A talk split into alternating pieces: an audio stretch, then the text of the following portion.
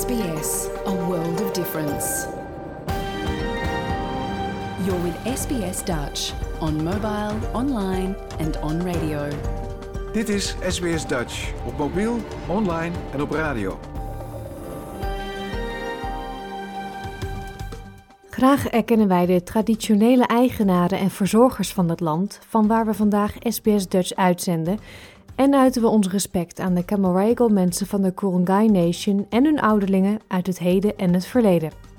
Ook kennen we de traditionele eigenaren van alle Aboriginal en Torres Strait Islander landen, van waar u vandaag naar ons programma luistert.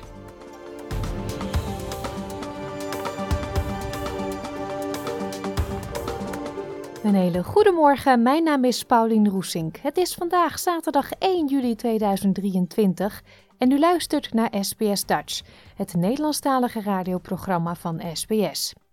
Vandaag heb ik weer een vol programma voor u. Zo praat ik met Michael Gijsberts naar aanleiding van het overlijden van Ipe de Bruin, een bekende naam binnen de Nederlandse gemeenschap in Melbourne. Met leesconsulente Larissa de Ru bespreken we twee kinderboeken die helemaal passen bij het aanstaande WK voetbal voor dames. Joyce Diebels legt in een nieuwe miniles Nederlands uit hoe je je kunt voorstellen. En er is cabaret van Jochem Meijer. Natuurlijk hebben we ook het willekeurige weekoverzicht en muziek. Maar eerst, morgen gaat NAIDOC Week van start. Een week van viering en erkenning van de geschiedenis en prestaties van Aboriginals. NAIDOC wordt elk jaar begin juli gehouden en is een geweldige kans voor alle Australiërs om meer te weten te komen over de First People van Australië. Dit is SBS Radio Dutch.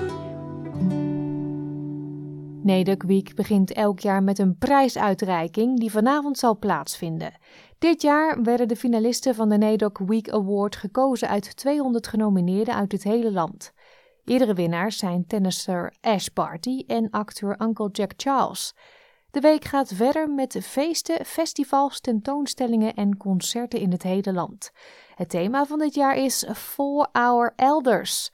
In de Aboriginal cultuur zijn ouderlingen erg belangrijk. Ze zijn culturele kennishouders, leermeesters en inspiratiebronnen. Tante Dr. Lynette Riley is een Wiradjuri en Camilla Roy vrouw. Ze is de waarnemend co-voorzitter van de Nationale NAIDOC-commissie. Our elders are our driving force, culturally, socially, and economically. They're everything. So for me, I'm being driven by what our elders have asked us to do in the past, what they're asking us to do now, and where they want us to be in the future. Ook wordt er jaarlijks een ontwerpwedstrijd georganiseerd. Het winnende ontwerp is dit jaar gemaakt door Bobby Lockyer, een trotse artiest uit Nyarluma, Karwi Yara, Nuyul Nuyul en Yawuru. Haar poster is een kleurrijke afbeelding van Aboriginal elders. Tijdens de introductie van haar werk voor NAIDOC zei Bobby dat het alle elders waren die haar inspireerden. With this year's poster design, I really just wanted to honor all our elders. NAIDOC-dag begon als een dag van rouw voordat het een feest werd. Het werd in de jaren 1920 gestart door twee activistische groepen die protesteerden tegen Australia Day. Tot de jaren 40 werd de dag van rouw gehouden op de dag voor Australia Day. Daarna verhuisde het naar juli en werd ook de naam veranderd. Tante Dr. Mathilda House is een Nyambri Warijuri elder die haar leven heeft gewijd aan het nastreven van sociale rechtvaardigheid voor indigenous volkeren. Ze herinnert zich nog het begin van NAIDOC-dag. I've been around since the year dot, so I know and understand how how we were doing Aboriginal Day back in the day. And those were the times when uh, of the struggles, the real struggles were going on. Tante Mathilda zegt dat er sindsdien veel is veranderd. A lot of things have changed since those beginnings.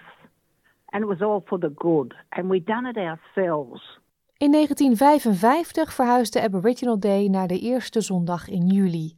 En het werd ook een dag van viering en herdenking van de Aboriginals, hun rijke cultuur en erfgoed. In 1972 werd het Department of Aboriginal Affairs opgericht als een belangrijk resultaat van het referendum van 1967. Nu zitten we slechts een paar maanden voor een ander referendum, dit keer over de Indigenous Voice to Parliament. Het doel van het referendum is om Aboriginals en Torres Strait Islander volkeren in de grondwet te erkennen door een Aboriginal en Torres Strait Islander Voice op te richten. Voor veel Aboriginals is het referendum een welkome zet van de regering. Jade Aporici komt uit de Boonda-clan van de Gurang Nation. Ze is een woordvoerster voor Yes23 en de General Manager of Business Development bij TELUS Holdings. Jade is een pleitbezorger voor het Uluru Statement en steunt de oproep voor de oprichting van een First Nations Voice, die is vastgelegd in de grondwet. By being recognized in the Constitution, it brings us together as a nation. It goes a long way to healing past hurts and it provides an opportunity to heal. Aan SBS vertelde ze dat het opzetten van de Voice een heel praktisch doel heeft. in terms of the practical application of the voice, it just makes sense if we're heard on the things that matter to us, if we are able to share our lived experience, and, and for communities to be able to provide information on the solutions that they know will work for them, you know, that's going to bring better outcomes. Binnen de Aboriginal gemeenschap zijn er echter ook stemmen tegen het referendum. Nyungai Warren Mundine van de Bunjalung en afstammeling van de Yuin en Gumbenga people is een zakenman, politiek strateeg en pleitbezorger voor indigenous zaken. My view on the voice of parliament is is it's a total waste of money. You know, there's 300 and something million dollars being spent, which could be spent on community projects out there in the regions of remote Australia it is built on a falsehood that Aboriginal people don't have a voice. We've always had a voice, and we've had always a strong voice, ever since 1973. So my thing is that we need to get economic development, jobs, uh, education, and investment into those communities and building businesses. That will be the only thing that will make the difference. Wat er met de Voice gebeuren zal de komende maanden moeten blijken, maar deze NAIDOC Week is het tijd om de geschiedenis en het heden van de oudste doorlopende cultuur op aarde te vieren. Dit was een bijdrage van Sarka Pegova, Carrie Lee Harding en Loana Grant voor NITV door SBS Dutch vertaald in het Nederlands. Sinds een paar weken zendt SBS Dutch de serie Leer Nederlands uit. Met deze minilessen hopen we tweede en derde, misschien wel vierde generaties Nederlanders in Australië aan te sporen de Nederlandse taal te leren. Dus, kent u iemand die graag Nederlands wil leren? Vertel dan vooral over onze serie. In de aflevering van vandaag vertelt leraar Nederlands Joyce Diebels van Dutch with Joyce hoe je jezelf kunt voorstellen en hoe je kunt vragen hoe het met iemand gaat.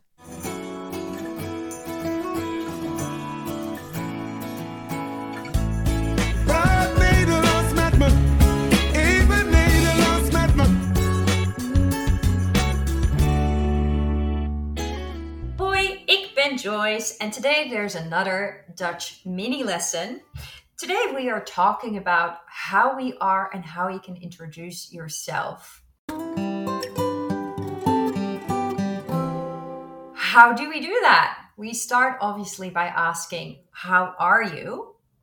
And contrary to the English, we don't say, How are you? Because if we translate that literally, what would we say, Pauline? Hoe ben jij? Hoe ben jij? Yes. That is not what we say. That kind of like means how are we as a person? So, how are you as, I don't know, a mom, or how are you as a teacher? So, we can't say that.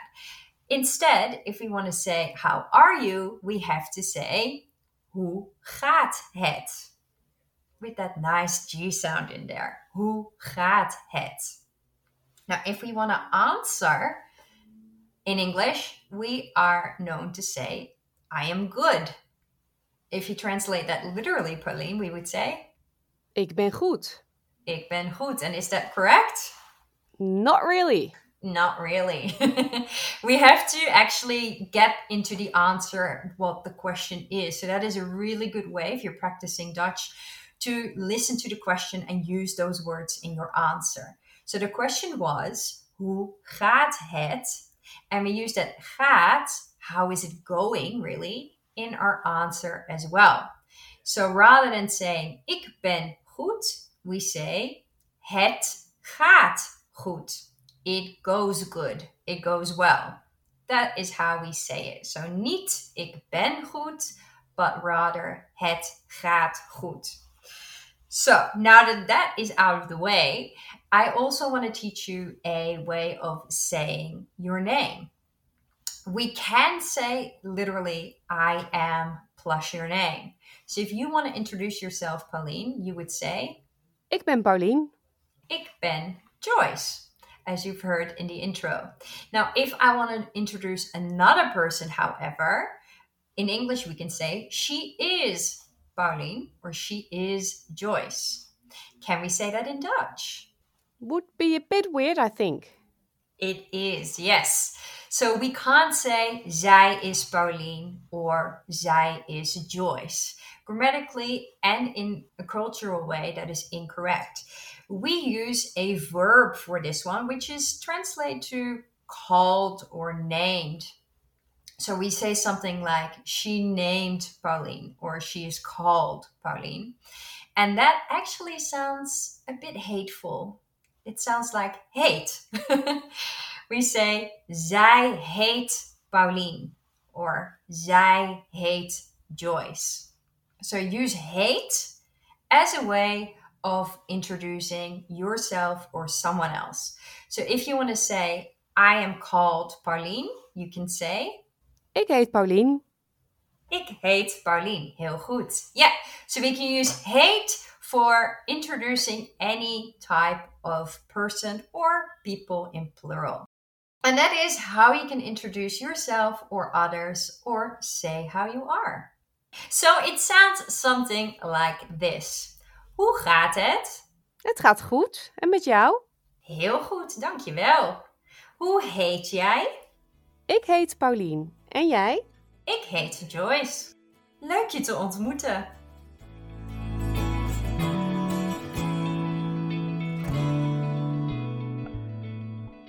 Alle zinnen uit de les van vandaag en alle eerdere afleveringen zijn terug te vinden op onze website www.sbs.com.au/dutch. Ipe de Bruin was jarenlang een sleutelfiguur binnen de Nederlandse community in Melbourne en Victoria. Zo was hij een van de oprichters van het Dutch Australian Heritage Center. Jarenlang voorzitter van de Nederlandse Associatie in Victoria en was hij de eerste voorzitter van Dutch Care. Zijn inzet bleef niet onopgemerkt, want hij werd geëerd met zowel een Nederlandse ridderorde in 1988 als een Order of Australia Medal in 1998. Helaas is Ipe op 13 juni in Queensland op 89-jarige leeftijd overleden. Samen met Michael Gijsberts, die hem ruim 40 jaar kende en lang en nauw met hem samenwerkte, haalde ik eerder deze week herinneringen op. Jouw gemeenschap, jouw gesprek, SBS Dutch. Ja, Michael, jij kende Ipe de Bruin natuurlijk uh, al heel lang. Hij was echt een sleutelfiguur binnen de Nederlandse community in Melbourne, hè? Klopt, echt waar. Ja, ik ken hem inderdaad al behoorlijke lange tijd. Dan praat ik van een 40 jaar of langer. En ik heb lang en nauw met hem samengewerkt in de Nederlandse gemeenschap. Ja, nou ben ik uh, van een veel jongere generatie. Ik woon ook nog niet zo heel lang in Australië. Daarbij zit ik ook nog eens in Sydney.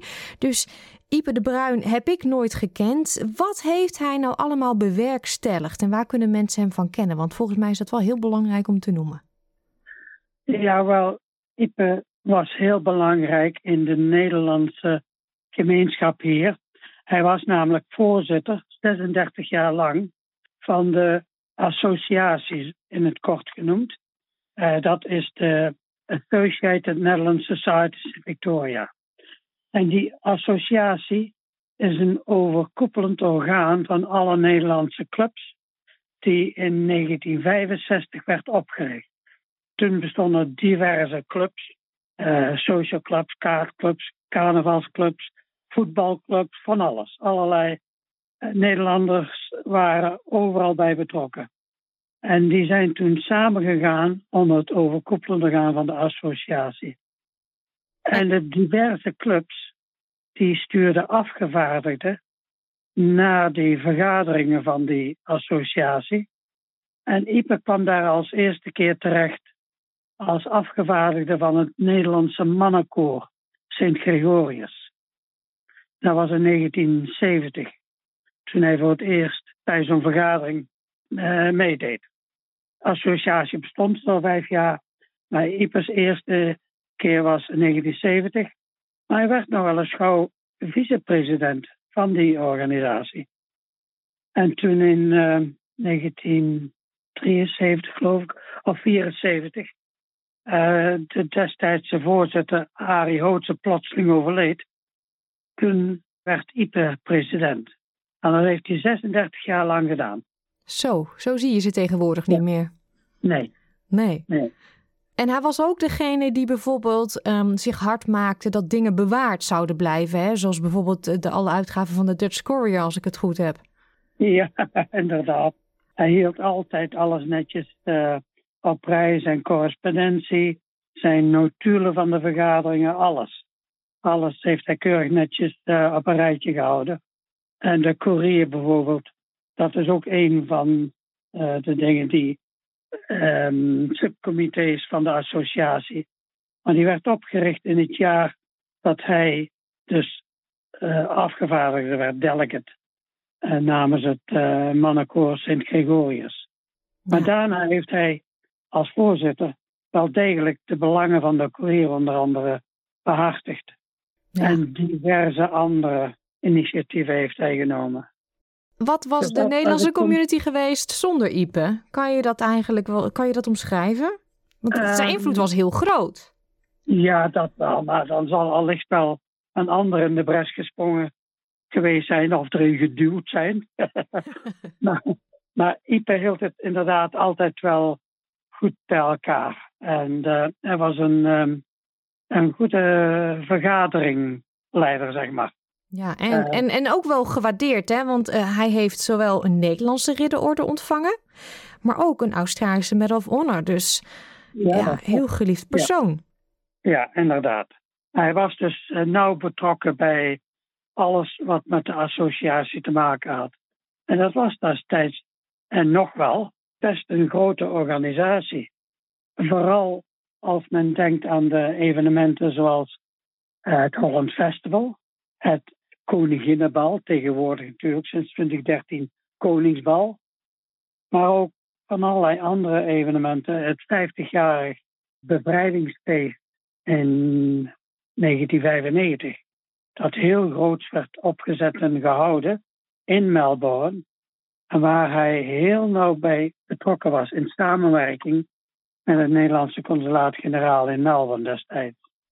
Ja, dus hij wilde echt die Nederlandse community, Nederlandse cultuur, et cetera, dat wilde hij gewoon levendig houden aan deze kant van de wereld. Ja, en hij had goede, wat we noemen, contactuele eigenschappen. Hij kon goed met uh, Jan en Alleman overweg, maar ook met diverse mensen in de overheid. Hij kon best uh, zijn woordje doen uh, met ministers en met ambassadeurs en consul-generaals en noem maar op. Hij, hij was dus echt wel de, uh, ja, wat, hoe noemen we zo iemand?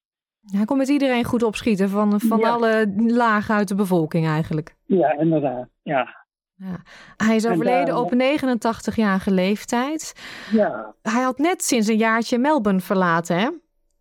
Ja, vorig jaar, ik weet niet welke maand, is hij vertrokken van Melbourne naar Queensland.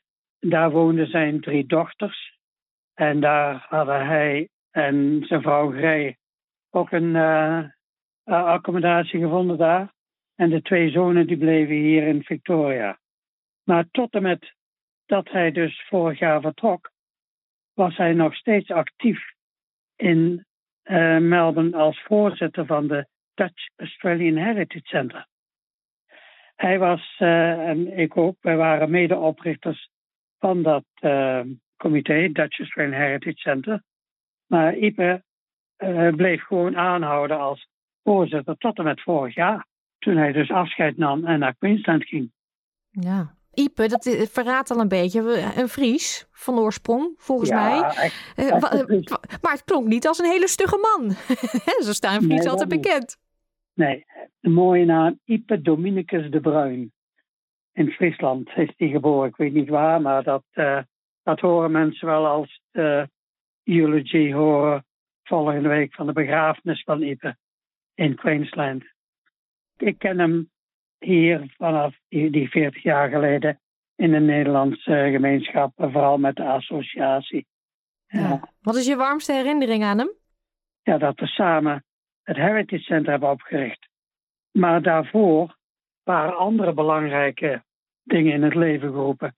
Zo was hij dus de eerste voorzitter van Dutch Care. Dutch Care, voordat het Dutch Care werd, waren er diverse um, organisaties die voor de belangen van de ouderen vandaag zorgden. En die wilden allemaal natuurlijk uh, gefinancierd worden. En die financiering ging meestal door de opbrengst van het jaarlijkse Holland Festival. En dat waren grote bedragen soms. Maar iedereen wilde dus uh, een, een, stukje van die cake hebben natuurlijk. Totdat uh, hij mede georganiseerd heeft met anderen om die comité's samen te brengen. En zodoende is Dutch Care ontstaan. Ja, en dat is voor mensen van buiten Melbourne en Victoria. Dat waren eigenlijk, uh, of dat was één huis waar dan een Nederlandse oude vandaag dan samenkwamen en, en verzorgd werden in het Nederlands ook? Ja. Ja, mooi initiatief. Dat, Nederlands, ja. ja. Dus dat, dat is een, uh, een groot iets van hem, de um, oprichting van Dutch Care. Maar ook uh, ander, hij heeft bijvoorbeeld in de 70 jaren werd er steeds Sinterklaasfeest gevierd voor de kinderen. Maar in de tachtiger jaren is dat opgehouden. Totdat hij in, uh, in 1985 weer het initiatief nam om Sinterklaasfeest te vieren, maar nu voor de senioren. En dat is nog steeds zo. Elk jaar wordt er nog steeds Sinterklaas gevierd voor de senioren in de Nederlandse gemeenschap. Ja, het lijstje is eigenlijk super lang hè, met wat hij allemaal gedaan heeft binnen die Nederlandse gemeenschap. Zijn er ja. ook plannen om hem te herdenken in Melbourne? Ja, ik, de familie die, uh, die heeft laten weten dat ze inderdaad van plan zijn om een bijeenkomst te organiseren in Melbourne om hem te herdenken. Uh, het fijne daarvan, dat weet ik niet, dat wordt aan de familie overgelaten natuurlijk. Maar het zou heel passend zijn als er uh, binnen niet al te lange tijd, binnen zeg maar een maand of één, twee, zo'n um, bijeenkomst wordt gehouden. Ja, en dan ja. Uh, dat de, ook de, de community de laatste eer kan bewijzen aan Ipe. En stil kan staan bij alles wat hij heeft gedaan. Ja. Dankjewel, Michael, om um, toch even stil te staan bij Ipe. Fantastische man. En ja, uh, hij zal uh, enorm gemist worden door vrienden en familie en de community. Inderdaad, heb je goed gezegd. Ja. Tijd voor onze rubriek De Boekenhut, waarin we iedere maand Nederlandstalige kinderboeken bespreken omdat het FIFA Wereldkampioenschap damesvoetbal voor de deur staat en het toernooi in Australië plaatsvindt, heeft leesconsulente Larissa de Ru op ons verzoek twee boeken uitgekozen binnen het thema voetbal. Mama is profvoetballer en Het geheim van de rode voetbalschoen. SBS Dutch, woensdag en zaterdag om 11 uur ochtends of online op elk gewenst tijdstip.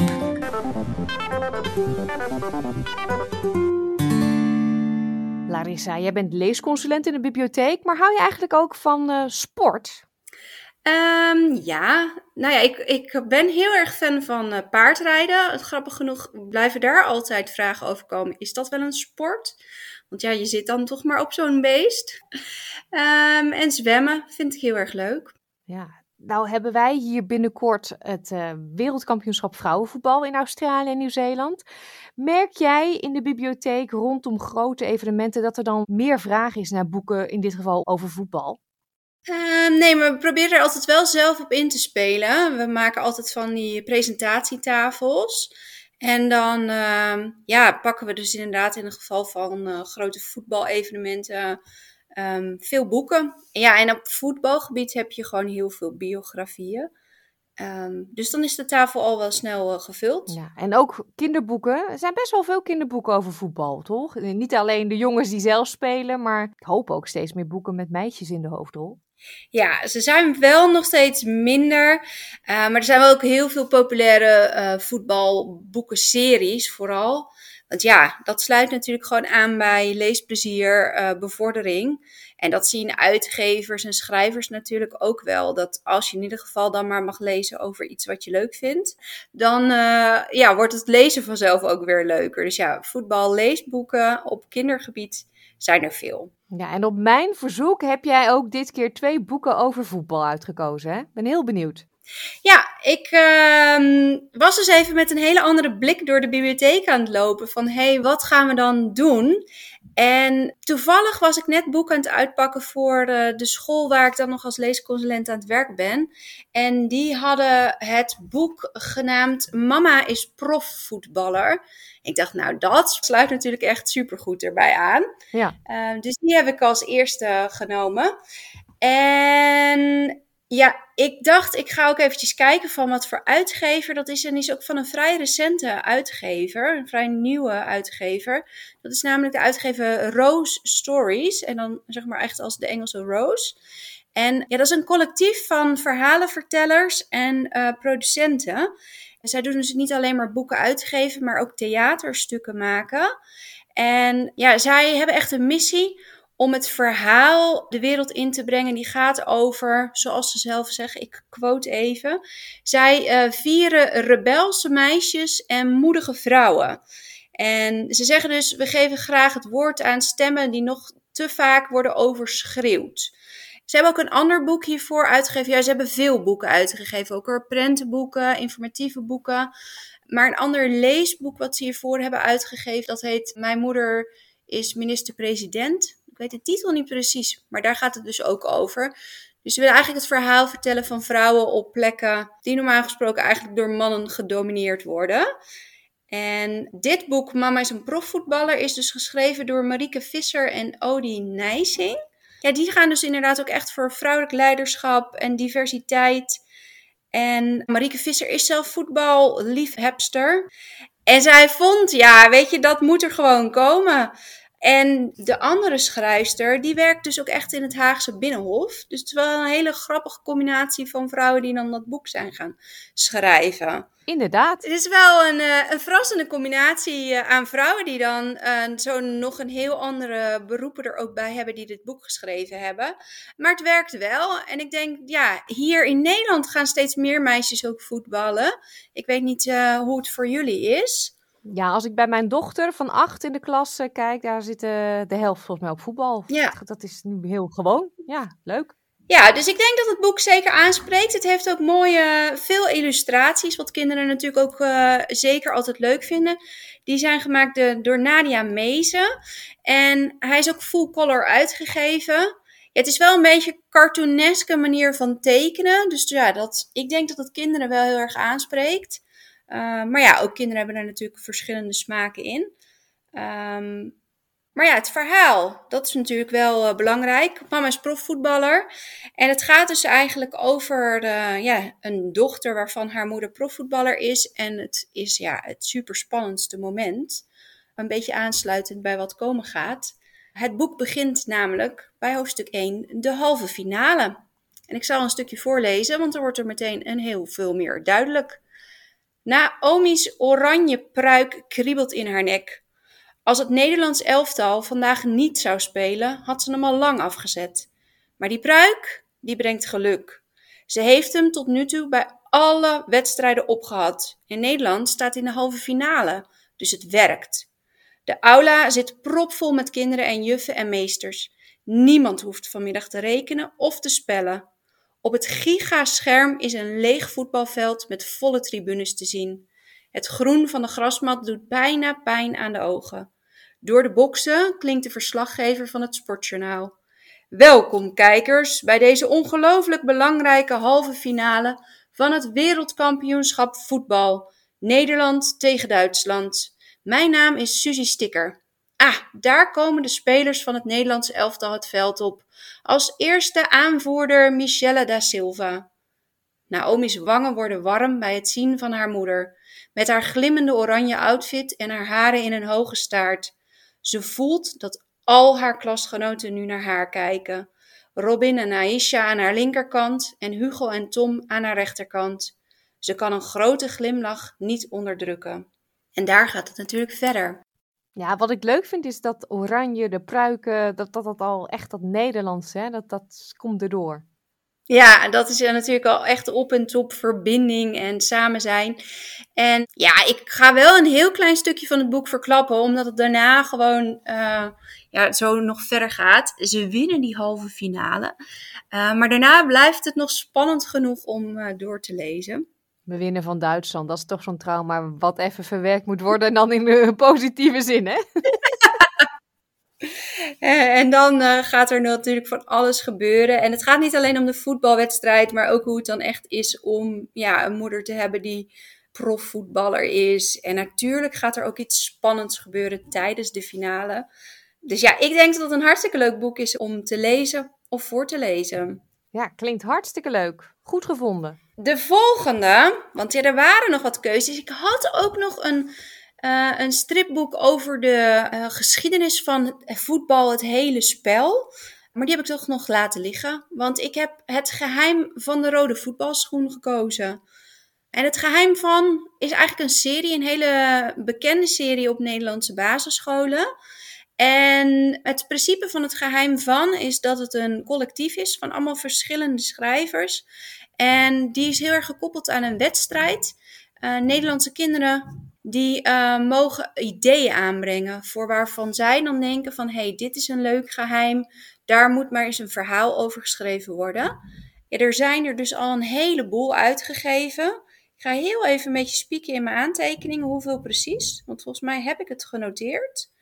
Um, ja, het geheim van de reeks is gestart in 2002 alweer.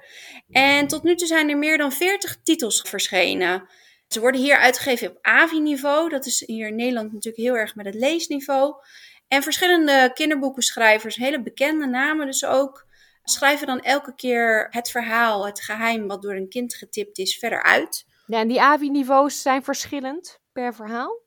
Ja, ja ze zijn um, vooral tot en met zeg maar, de leesleeftijd van middengroep 5. Dus dat begint al echt bij als je net hebt leren lezen en een beetje beter wordt, totdat je echt uh, nou ja, een goede lezer bent. Ja, dus dat is ook goed om mee te oefenen.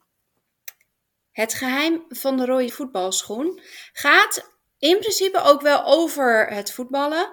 Uh, want Davi wil in het eerste van het schoolvoetbalteam komen en traint zo vaak als hij kan op het schoolplein.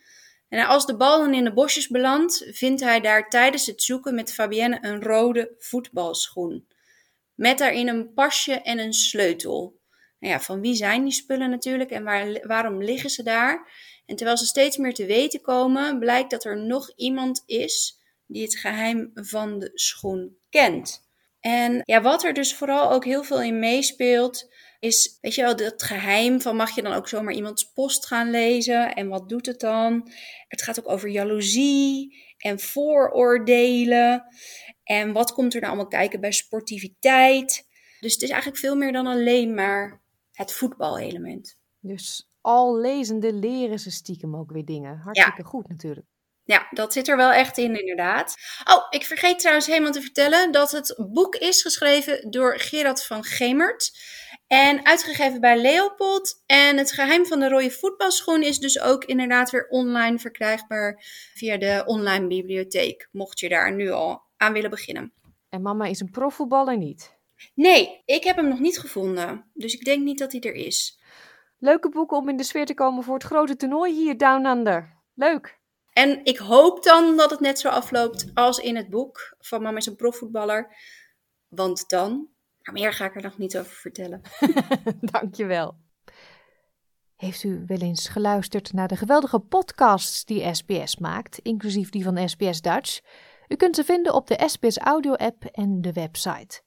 Elk jaar nodigt SBS zijn luisteraars uit om podcast-ideeën in te sturen om nieuwe podcasts te maken. Heeft u een verhaal te vertellen of heeft u een idee voor een podcastserie die echt thuis hoort bij SBS? Dan horen we dat graag van u. U kunt uw pitch tot en met 31 juli insturen via onze website. Ga voor meer informatie naar www.sbs.com.au/podcastpitch. Tijd nu voor een overzicht van enkele opvallende nieuwsberichten uit Nederland van de afgelopen week met dank aan de NOS, Omroep Flevoland en Omroep West.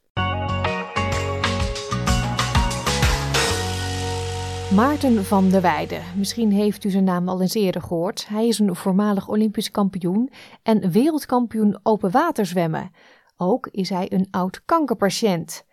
Sinds hij gestopt is met professioneel topsport, zamelt hij op bijzondere manieren geld in voor KWF-kankerbestrijding. Zo vestigde hij in 2018 het wereldrecord 24 uur zwemmen en zwom hij in 2019 de Elfstedentocht. Dit jaar had hij weer iets nieuws bedacht, namelijk het volbrengen van de Elfsteden Triathlon. Met andere woorden, 200 kilometer zwemmen, 200 kilometer fietsen en 200 kilometer lopen. En dat alles in maar zeven dagen tijd. Afgelopen zondag kwam Maarten in Leeuwarden over de finish. Gistermiddag inderdaad. Toen dacht ik even van ja, ik ga het gewoon niet halen. Uh, maar toen, ja, toen, toen vond ik mezelf toch weer en ja, nu staan we hier. Ja, wat een geweldige prestatie. En het wordt nog mooier, want Maarten heeft ruim 3,7 miljoen euro opgehaald. Wat een held. En wat zal de KWF Kankerbestrijding daar blij mee zijn. Gaan we verder met iets heel anders. Omroep Flevoland ging langs bij uienteler Gerrit-Jan Prins, omdat zijn gewas bedreigd wordt door de uienvlieg. De uienvlieg die komt eigenlijk op de uien af en die legt dus eitjes vlak bij de uien, waar dus weer een larve uitkomt. En die, uh, ja, die kruipt dus in de ui, waardoor die ui dus uh, ja, gewoon doodgaat. Kijk, in het verleden mochten we uh, saaizaad gebruiken waar een, een, een, coating op zat, een insecticide coating. Waardoor meerdere insecten echt bestreden werden, zeg maar. En daardoor had je gewoon die uitval eigenlijk nagenoeg niet. Ja, dat mag dus nu niet meer. Een bedrijf uit Dronten denkt een oplossing te hebben gevonden voor de plaag. Ze zetten een miljard gekweekte onvruchtbare roze vliegjes uit. De in het wild geboren uienvliegvrouwtjes zullen hoogstwaarschijnlijk paren met die onvruchtbare mannetjes, waardoor het aantal vliegjes zal afnemen. Zou mooi zijn als dit helpt. In Nederland zijn winkels en kledingmerken vanaf vandaag zelf verantwoordelijk voor het inzamelen, sorteren en recyclen van afgedankt textiel. De NOS vroeg Kimberly van der Wal van Wolcat Textielrecycling of ze denkt dat de nieuwe regelgeving zou helpen. Ik zie hoe snel het wordt weggegooid en ook hoeveel er wordt weggegooid vooral. In hoeverre is die nieuwe regelgeving die er nou in komt, eh, is dat, uh, helpt dat? Ja, dat helpt zeker. Het helpt ten eerste bij de bewustwording bij uh, retailers. Maar daarnaast helpt het ook dat er juist meer inzamelpunten komen. En dat degene die het product maakt ook weer verantwoordelijk is voor de afvalfase. Een achtertuin zoals die van de 88-jarige Chris van der Sman uit Nooddorp zie je niet vaak. Chris tuin staat namelijk vol met miniatuurbouwwerken die hij zelf heeft gemaakt. De oude kerk, de nieuwe kerk en de domtoren, die bouwde hij al en daar deed hij 60 jaar over. Aan stoppen moet hij nog niet denken, zo vertelde hij aan Omroep West. Ik ben in 1962 ben ik begonnen met de bouw van de nieuwe kerk van Delft. De toren is 5,40 meter hoog en is ruim 5 meter lang. En over deze nieuwe kerk heb ik dus 25 jaar gebouwd. En heb ik een half jaar, heb ik hem zo te zeggen, niks gedaan. En toen dacht ik, nee, dat gaat niet goed, niks doen. Ik denk, weet je wat, ik, dat, dat is hier lekker dichtbij. En dat is een, een neoclassieker, echt een mooie toren. Een jaartje of drie heb ik dan weer uh, leuk werk. En ik ga er weer gewoon aan beginnen. Zie wel of die klaar komt. De brandstofprijzen gaan vandaag weer omhoog in Nederland. Dat komt omdat er een einde komt aan de tijdelijke belastingverlaging op brandstof. Het zorgt natuurlijk deze week voor drukte bij tankstations, zoals hier in Valkenswaard. Ik denk, ik gooi hem nog even vol. En in België is hij misschien nog wel iets goedkoper, maar uh, ach ja, alle kleine beetjes helpen. Hè. Ik was toch in de buurt. Ja. En niet alleen de auto gooit die vol, ook de jerrycans. Ja, inderdaad. Nou, dan heb ik een klein voorraadje. Hè? Ja, um, nou ja, goed. Het, het, blijft altijd een kwestie. We kunnen maar één keer de centen uitgeven. En uh, er zijn voor heel veel zaken geld nodig. De brandstofprijzen thuis zijn weer wat gezakt. Maar voor sommige mensen blijft het denk ik wel een probleem. Deze week trokken een paar honderd boeren naar Den Haag. Actiegroep Famous Defence Force wilde namelijk protesteren bij het tijdelijke Tweede Kamergebouw, omdat daar het debat over het mislukte landbouwoverleg aan de gang was. Maar de gemeente Den Haag stak daar een stokje voor met een noodbevel en leidde de boeren naar het Malieveld. Caroline van der Plas van de BBB, de Boerburgerbeweging, zou een toespraak houden, maar zegde af vanwege bedreigingen aan het adres van enkele CDA-collega's. Hun telefoonnummers werden gedeeld op sociale media, waarop ze nare telefoontjes en berichten ontvingen. Premier Mark Rutte had geen goed woord over voor deze actie. Ik vind dat pure, pure intimidatie. Je mag van mij in Nederland allemaal met elkaar over dingen oneens zijn. Maar je gedraagt je fatsoenlijk en respectvol. Ik vind dit ontzettend laf. Um, en dit moet echt stoppen. Tot slot prachtig sportnieuws. De 17-jarige Haagse breakdanseres India Sarju heeft zich geplaatst voor de Olympische Spelen in Parijs volgend jaar. Het is voor het eerst dat breakdance een onderdeel is op de Spelen en kwalificatie is een droom die uitkomt. U hoort allereerst coach Tom Steenvoorde en daarna India zelf. Nadat ze vorig jaar Nederlands kampioen, Europees kampioen en wereldkampioen is geworden, ja, was dit het enige wat ze eigenlijk nog niet aan de muur had hangen. Dus, ja, een ticket voor Parijs. Ja, en die is binnen. Uh, of ik favoriet ben, weet ik niet. Uh, ja, ik hoop het wel. En natuurlijk wist ik altijd wel van, als ik naar de Olympische Spelen ga, ga ik, ga ik er naartoe om te winnen. Maar nu dat ik weet dat ik naar de Olympische Spelen ga en mijn plek al heb, is het toch uh, iets meer realistisch. En denk ik van, oké, nu kan ik er goed naartoe werken. Uh, ja, ik weet niet of ik de favoriet ben. Dat, uh, dat zien we dan wel tegen die tijd. Tot zover dit willekeurig weekoverzicht van deze week. Met dank aan de NOS, Omroep Flevoland en Omroep West. Jochem Meijer stond sinds 2019 niet meer in het theater. De cabaretier had een zware tijd achter de rug en had behoefte aan een pauze. In de afgelopen jaren schreef hij wel de zeer populaire kinderboekenreeks over de gorgels. Lange tijd was het onzeker of Meijer ooit nog zou terugkeren op het podium, maar inmiddels weten we daar het antwoord op. Ja, hij keert terug en wel met zijn theatervoorstelling Net Alsof. Gisteren ging de kaartverkoop van start en zoals altijd gingen die kaartjes als zoete broodjes over de toonbank. We vonden dit wel een leuke aanleiding om een stukje cabaret van Jochem Meijer te draaien. En dit is wel echt een klassieker. Hij geeft hier namelijk een masterclass imiteren. En met Jochem Meijer komen we aan het einde van deze aflevering van SBS Dutch. Al onze verhalen en podcastseries zijn terug te luisteren op onze website www.sbs.com.au/dutch en via de SBS Audio app. Deze is gratis te downloaden in de Apple Store en Google Play. We zouden het ook leuk vinden als u ons opzoekt op Facebook en liked. Dat kan op facebook.com spsdutch.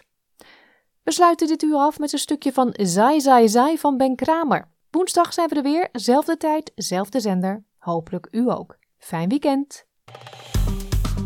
Like, deel, geef je reactie. Volg SBS Dutch op Facebook.